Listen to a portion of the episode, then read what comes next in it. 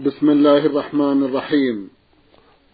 الحمد لله رب العالمين والصلاة والسلام على نبينا وسيدنا محمد وعلى آله وصحبه وسلم. مستمعي الكرام السلام عليكم ورحمة الله وبركاته وأسعد الله أوقاتكم بكل خير. هذه حلقة جديدة مع رسائلكم في برنامج نور على الدرب. رسائلكم في هذه الحلقة نعرضها على سماحة الشيخ عبد العزيز ابن عبد الله بن باز الرئيس العام لإدارات البحوث العلمية والإفتاء والدعوة والإرشاد.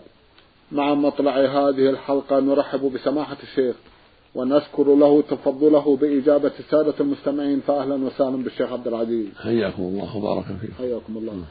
أولى رسائل هذه الحلقة رسالة وصلت إلى البرنامج من المستمع سعيد عبد الفتاح شاهين من الرياض.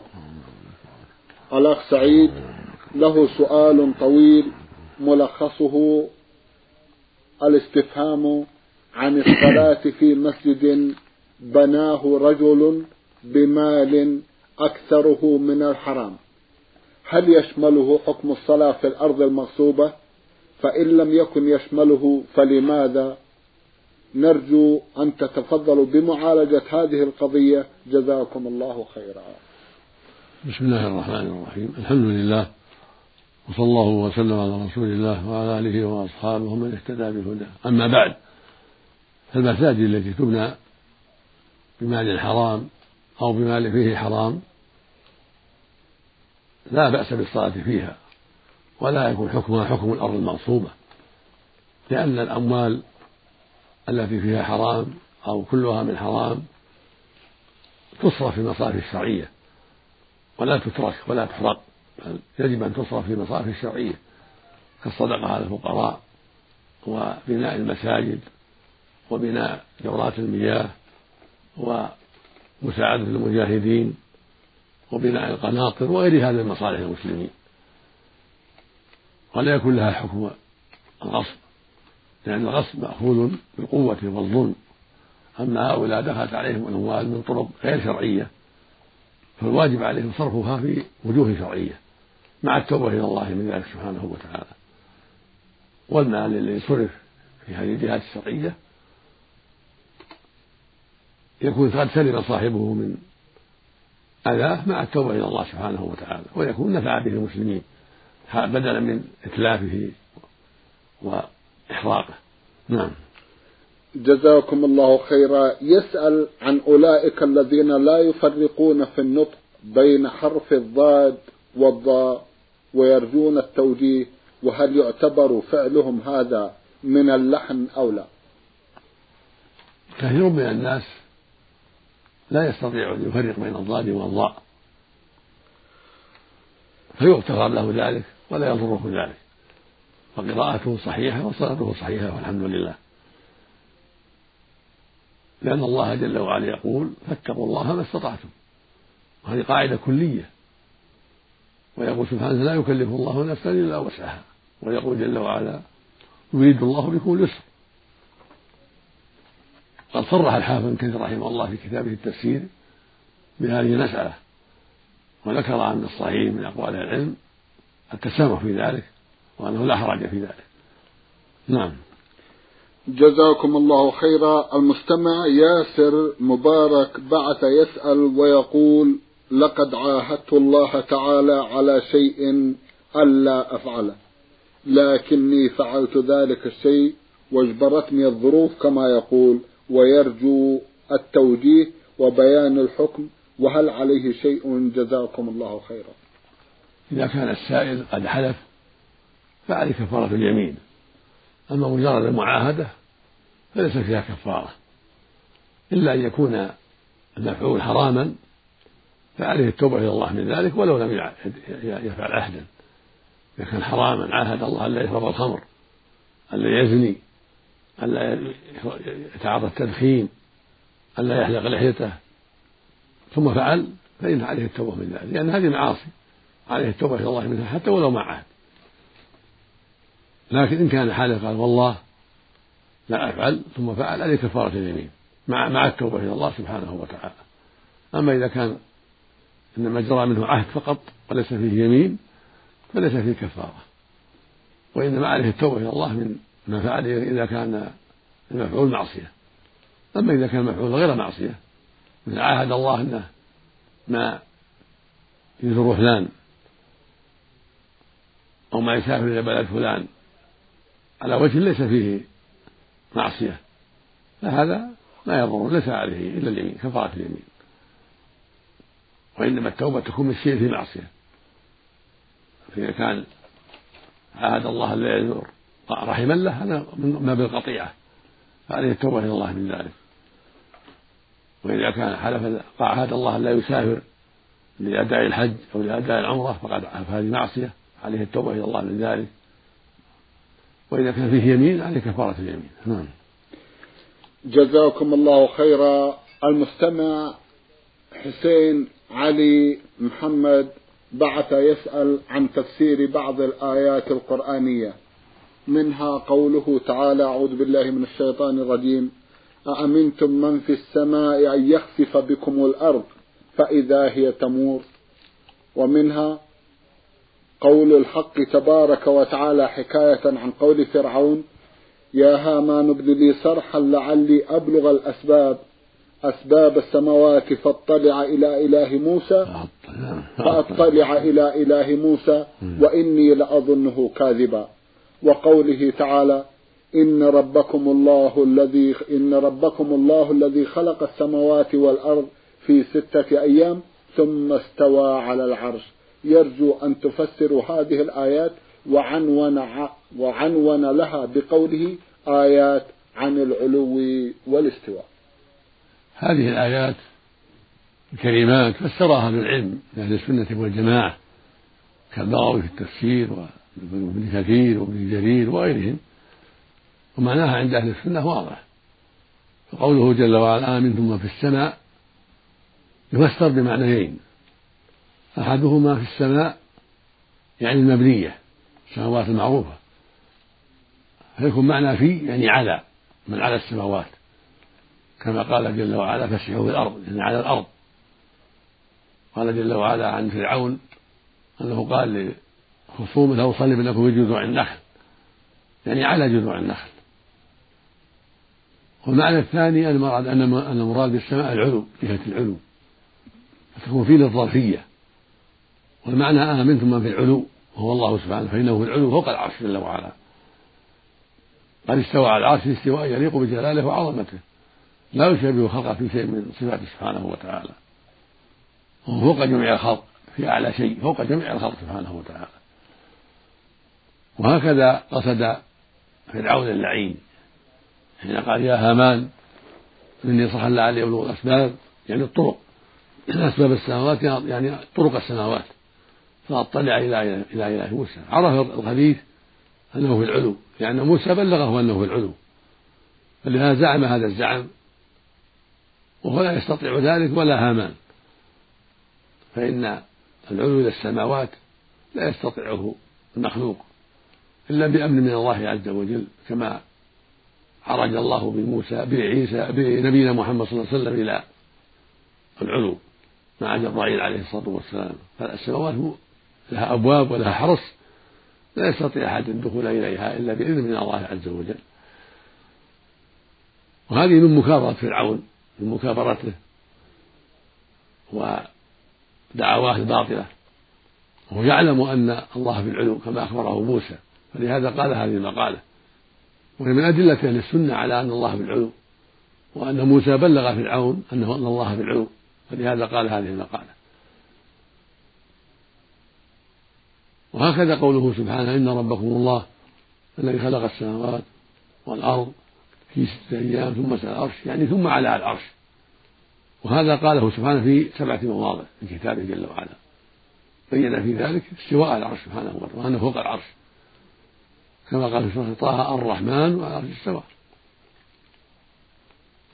فمعنى الاستواء العلو والارتفاع. ومنه استوى على السفينة يعني ارتفع عليها. ومن استواء السفينة على الجود يعني ارتفعت على الجود. فالاستواء معناها العلو والارتفاع. استوى فلان على الدابة يعني صار على ظهرها واستوى على السطح صار فوق السطح واستوى على الجبل صار فوق الجبل. بمعنى استوى على العرش انه ارتفع فوق العرش جل وعلا. واستواؤه يناسبه سبحانه ويليق به عز وجل. ولا يشابه خلقه في استوائهم على دوابهم وعلى الجبال وعلى غير هذا. وهكذا كل صفات الله تليق به سبحانه وتعالى. ولا يشبه فيها خلقه جل وعلا. كما قال سبحانه ليس كمثله شيء وهو السميع البصير. وقال عز وجل ولم يكن له كفوا أحد. قال سبحانه فلا تضربوا لله الأمثال. قال عز وجل هل تعلم له سميا؟ لا سمي له. ولا له سبحانه وتعالى. وهكذا امثالها من الآيات كلها تدل على علو الله وأنه فوق العرش مثل هو العلي العظيم في حكم الله العلي الكبير. هو العلي العلو الكامل علو الذات وعلو القهر والسلطان وعلو المكان. فهو فوق العرش جل وعلا فوق جميع الخلق سبحانه وتعالى. والعرش سقف المخلوقات وأعلاها والله فوق سبحانه وتعالى. ومع هذا لا يخفى عليه شيء من أحوال عباده يعلم كل شيء سبحانه وتعالى. نعم. الله أكبر. نعم. جزاكم الله خيرا. رسالة من أحد الإخوة المستمعين وقع في نهايتها بقوله أخوكم في الله خاميم سين. يسأل ويقول ما حكم الإسلام؟ في من يشهد أن لا إله إلا الله وأن محمد رسول الله ويصوم ويصلي ولكنه يقرب الذبائح لغير الله ويحلف بغير الله ويشد الرحال إلى قبور الصالحين ويدعوهم ويستغيث بهم. المطلوب بيان هوية في من يفعل ذلك هل هو مسلم وهل صلاته صحيحة أم غير ذلك؟ جزاكم الله خيرا. هذه المسألة قد وقع فيها جم غفير ممن ينتسب للإسلام. جهلا منهم وتقليدا لآبائهم وأسلافهم. فالذي يشهد أن لا إله إلا الله وأن محمدا رسول الله ويصلي ويصوم ولكنه مع ذلك يتقرب إلى أصحاب القبور بالذبائح ويستغيث بهم وينذر لهم أو إلى الجن أو إلى الأصنام. هذا مشرك. وصلاته باطلة وشهادته باطلة لأنه نقضها بأفعاله الشركية. مثل المنافقين الذين يصلون مع الناس ويصومون يشهدون لا إله إلا الله وان محمدا رسول الله ولكن يقولون محمد مو صادق في باطنهم وينكرون البعث والنشور في الباطن هؤلاء في الدرك الأسفل من النار. كما قال الله جل وعلا إن المنافقين في الدرك الأسفل من النار. قال عنهم سبحانه إن المنافقين يخادعون الله وهو خادعهم وإذا قاموا إلى الصلاة قاموا كسالى. يراءون الناس ولا يذكرون الله إلا قليلا. مذبذبين بين ذلك. لا إلى هؤلاء ولا إلى هؤلاء. لا مع المسلمين ولا مع الكفار. وقال في الآية الأخرى وما منعهم يعني المنافقين أن تقبل نفقاتهم إلا أنهم كفروا بالله وبرسوله ولا يأتون الصلاة إلا وهم كسالى ولا ينفقون إلا وهم كارهون. فلا تعجبك أموالهم ولا أولادهم إنما يريد الله يعذبهم بها في الحياة الدنيا وتزهق أنفسهم وهم كافرون فسماهم كفرة ولم يقبل منهم أعمالهم مع أنهم يصلون. لماذا؟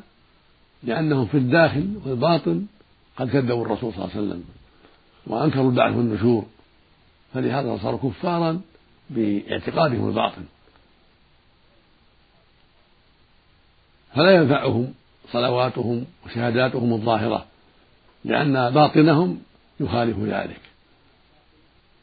فهكذا الذي يتقرب القبور بالذبائح والنذور يستغيث بهم ويذبح لهم هذا ليس بمسلم.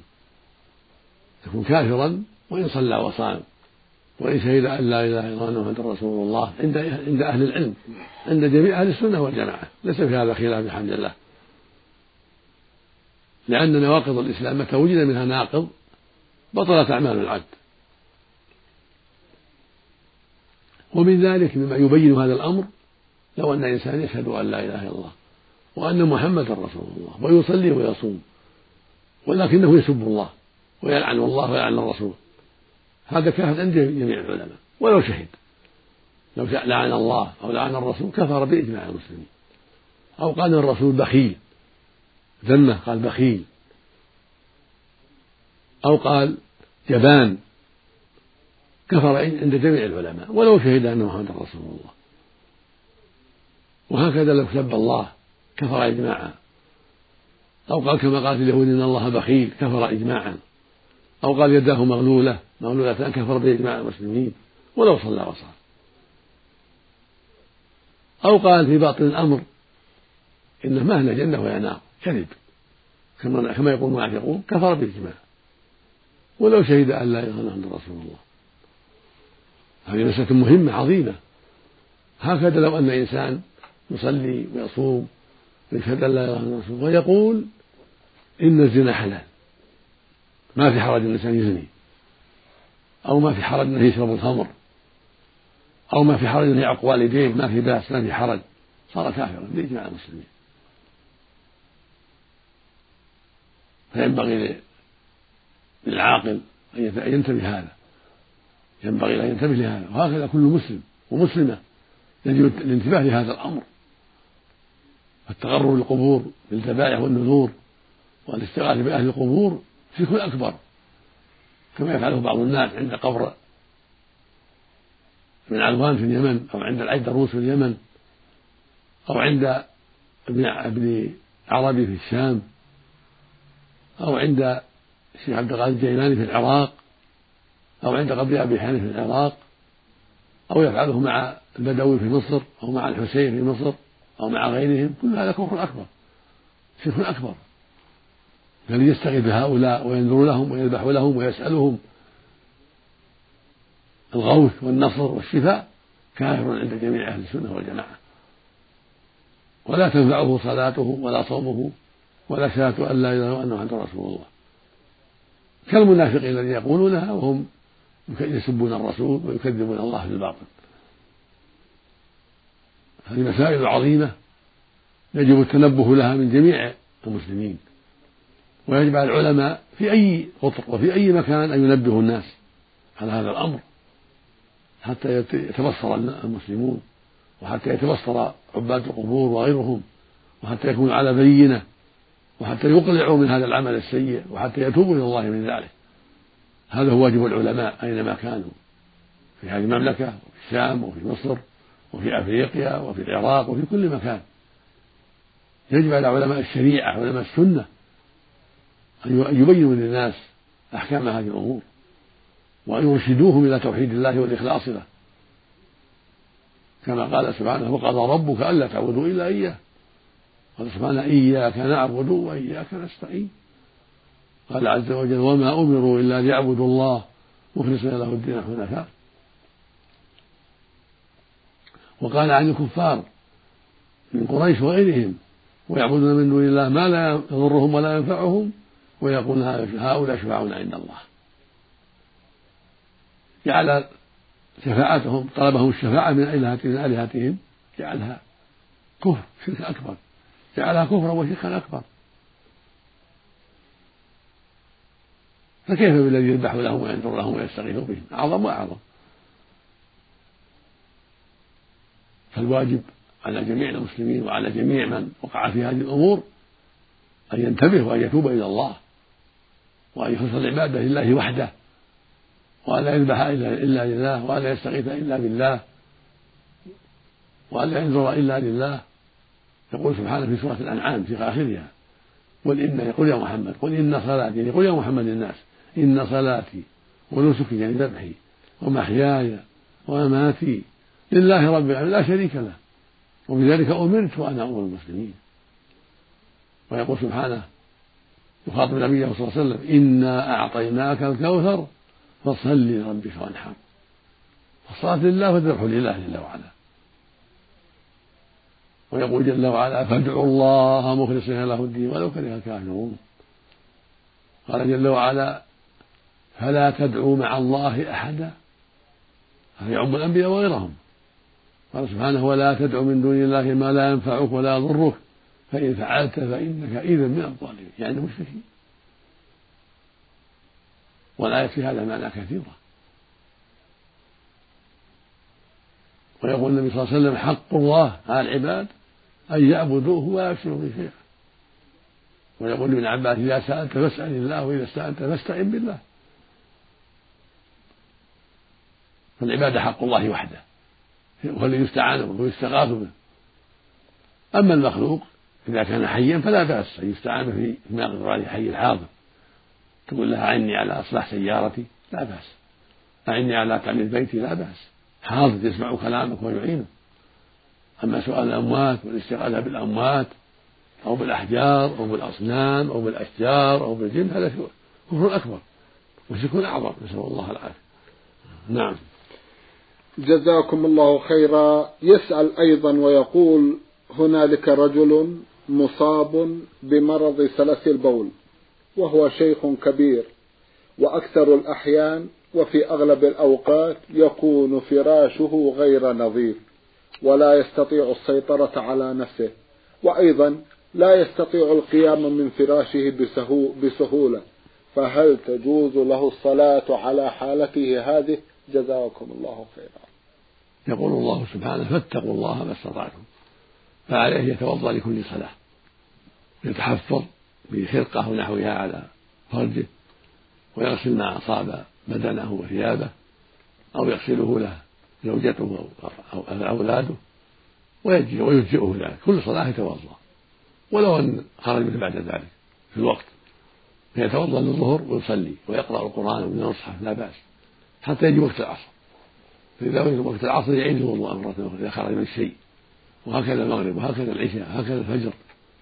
والفراش يطهر له. عليه رداء طاهر صلي عليه. كل كل صلاة. إذا كان الذي أصابه بول يوخر جاب بداله أو يغسل ما أصابه في كل وقت. وإذا نزل به شيء وهو يصلي ما يضره. مثل المستحاضة التي ينزل بها الدم دائما. فاتقوا الله ما استطعتم. لكن في الوقت. إذا خرج الوقت يعيد الوضوء. ويعيد ويغسل ما أصاب ثوبه أو يبدله وهكذا. فاتقوا الله ما استطعتم. نعم.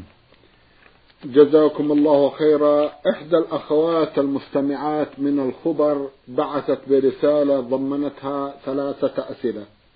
في أحدها في أحدها تقول لقد قرأت في بعض الكتب أن صلاة التراويح عشرين ركعة لم ترد عن الرسول صلى الله عليه وسلم وكذلك لم ترد عن عمر بن الخطاب كما يزعم بعض الناس فهل صلاة عشرين ركعة بدعة أم هي جائزة ولا حرج فيها أبدا؟ جزاكم الله خيرا.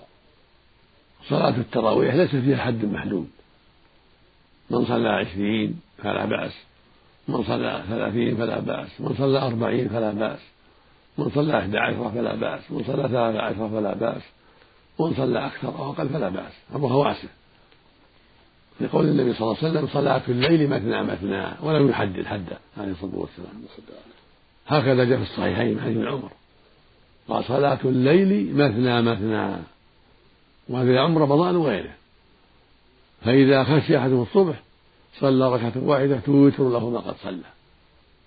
فأبان صلى الله عليه وسلم أن صلاة الليل مثنى مثنى صلى عشر يوتر بواحدة بعد ذلك صلى عشرين يوتر بواحدة صلى ثلاثين يوتر بواحدة صلى أربعين يوتر بواحدة صلى مئة يوتر بواحدة ما في حد محدود. ما قال صلاة الليل عشر ولا عشرين قال صلاة الليل مثنى مثنى فإذا فإذا خشي أحدهم الصبح يعني لو مد الصلاة خشي الصبح يوتر بواحدة وهكذا في أول لو أوتر في أول الليل يصلي ما قسم الله ولو يوتر بواحدة أو في جوف الليل كذلك. وكان صلى الله عليه وسلم ربما أوتر بسبع. ربما أوتر بخمس ربما أوتر بتسع. وكان في الأغلب يصلي إحدى عشرة يصلي من كل اثنتين ويوتر بواحدة وربما صلى ثلاث عشرة. صلى اثنتي عشرة اثنتين اثنتين ثم يوتر بواحدة هذا هو الغالب من فعله صلى الله عليه وسلم. وربما نقص فصلى سبعا أو تسعا أو خمسا أو ثلاثا. لكن الغالب والأكثر يصلي إحدى عشرة وفي بعض الأحيان ثلاثة عشرة ولكن ما نهى عن الزيادة عليه الصلاة والسلام. من شاء زاد. وثبت عن عمر رضي الله عنه والصحابة أنهم فعلوا ذلك. صلوا إحدى عشرة صلوا ثلاثة وعشرين. ثبت هذا وهذا عن عمر رضي الله عنه. فالذي أنكر ثبوت عن عمر قد غلب. بل ثابت عن عمر أنه صلى ثلاثة وعشرين وفي بعض الليالي صلى إحدى عشرة. فالأمر واسع والحمد لله. ومن صلى أكثر كما فعل بعض الصحابة فلا بأس. بعض بعض السلف كان يصلي 36 ويتم ثلاث فتم 39 بعد يصلي إحدى وأربعين. فليس في هذا حد محدود والحمد لله. لكن مثنى مثنى اثنتين اثنتين هذا هو السنة. في رمضان وفي غيره. ولكن كونه يصلي ثلاثة عشر أو أحد عشر أفضل لأنها أرفق ولأنها توافق فعل النبي صلى الله عليه وسلم. وإن صلى ثلاثة وعشرين مثل ما فعل عمر في بعض الأحيان فلا بأس. وإن أحب الزيادة هو وجماعته فلا بأس. لكن يرفق بالمعه لا لا يطول عليهم. ويطمئن في ركوعه وسجوده يرتب في قراءته لأن هذا أنفع للمسلمين. ولا يجوز له أن ينقرها نقرا يجب أن يطمئن. فإذا صلى عشرة مع الطمأنينة والترتيب في القراءة كان أفضل من عشرين. وإذا صلى ثلاثة عشر كذلك. وإذا كان يشق عليه صلى سبع مع الترتيب ومع الطمأنينة أفضل وهكذا. خمس ثلاث حسب طاقته. فاتقوا الله ما استطعتم. وإن من أهم من أهم المهمات أنه يطمئن ولا يعجل في قراءته يطمئن ويرتل حتى يستفيد وحتى يستفيد الجماعة اللي خلفه ينتفعون بقراءة. إذا رتل واطمأن استفاد الجميع هو والجماعة فيطمئن في ركوعه وسجوده ويرتل في قراءته ويخشع فيها حتى يستفيد من وراءه وحتى يستفيد يستفيد هو. وفق الله الجميع. نعم.